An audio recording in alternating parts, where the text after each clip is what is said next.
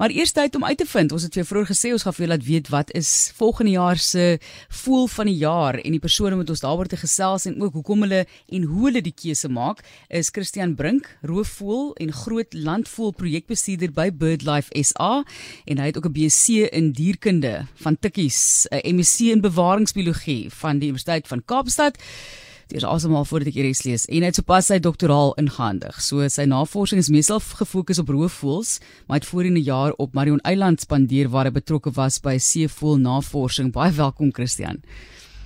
Baie dankie Marlies, goeiemôre vir jou en jou luisteraars. So hoe verskil Marion Eiland van tuisbodem?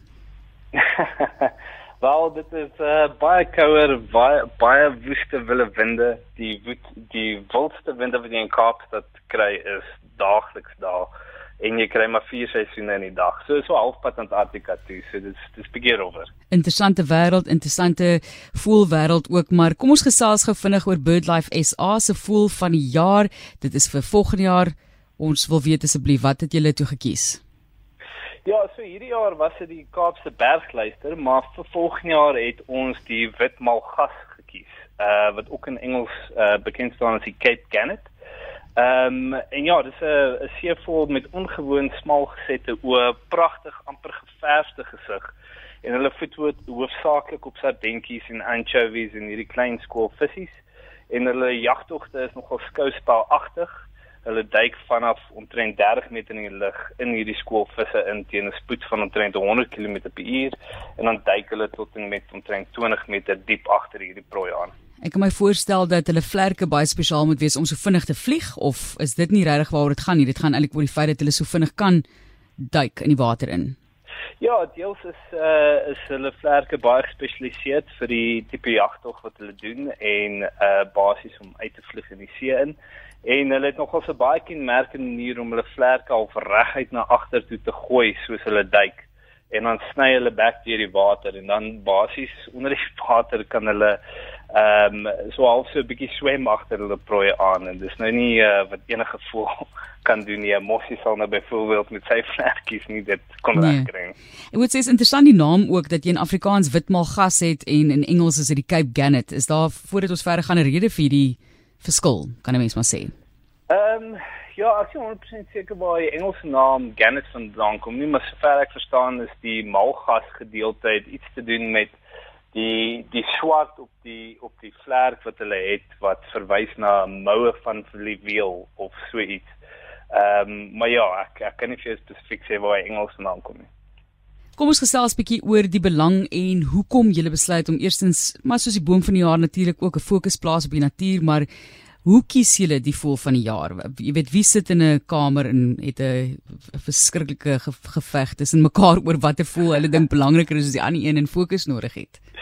Ja, so ons kies maar 'n uh, spesies van bewaringsbelang wat kan ba baat uit meer bewusmaking uh, as ook spesies wat gebruik word as ambassadeurs vir groter kwessies wat wyd verspreide gevolge het vir die ekosisteme.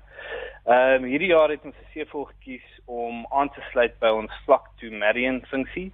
Uh, en tydens hierdie funksie vaar ons na Marion Eiland en die Prins Edward Eilande uh aan boord M die MSC Orchestra om onder meer die seevoëls van die suidelike oseaan uh te gaan besig besigtig. En ja, die luisteraars kan uh, gerus kyk op ons webtuiste vir meer inligting daaroor.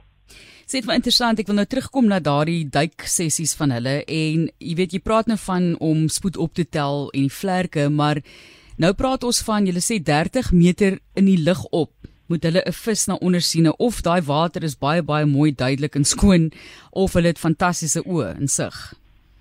Ja nee, kyk met hulle oë wat ook so na vorentoe, so gewoonlik in die dierewêreld as jy enige enige dier met uh, oë wat al reguit kyk is mos maar gewoonlik jou predatore en en gepaard met dit gaan gewoonlik goeie sig. Ek meen ons weet almal ons roofvoëls het baie goeie sig.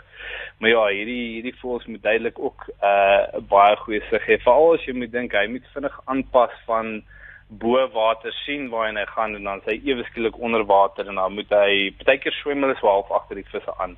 Ehm um, dis nie dat hy water tref en dan hy dadelik 'n vis noodwendig nie. Ehm um, so ja, is merkwaardige diere.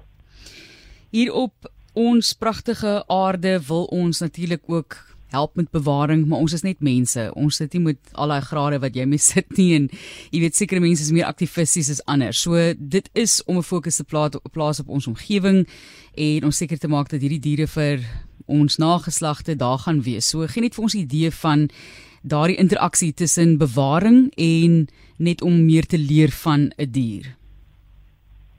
Hmm, okay, so ons ons het redelik jy, jy het al vir twee afdelings. Die een is jou navorsing wat jy basies meer probeer leer en die navorsing ehm um, basies uh, maak bemagtig jou om dan die bewaring te kan doen want as jy eers geïdentifiseer het wat aangaan met die stelsel en hoekom hulle verminder, dan kan ons begin iets daaraan doen. So byvoorbeeld met die witmaalgas, uh weet ons een van die groot kwessies is dat hulle prooi opraak. Uh natuurlik kyk hulle eet hulle baie sardientjies en anchovies, daai groot skoolvisse wat hulle uh hoofprooi is. Ehm um, maar met die met die basies die visindustrie het daai uh populasie baie minder geword. So hulle basies nie genoeg kos ehm um, hulle kry basies nie genoeg kos nie. En wat nou ook gebeur is die ouetjies begin hyk of stokvis ehm um, vang wat oorboord gegooi word van ander visserye ehm um, en dan raak hulle verstremmel in party van die visnette en dan verdrink hulle. So dit is ook 'n 'n groot kwessie daar. En uh beide dit is die stokvis ook nie het nie 'n groot genoeg vet inhoud vir hulle om suksesvol hulle kuikens te kan grootmaak nie.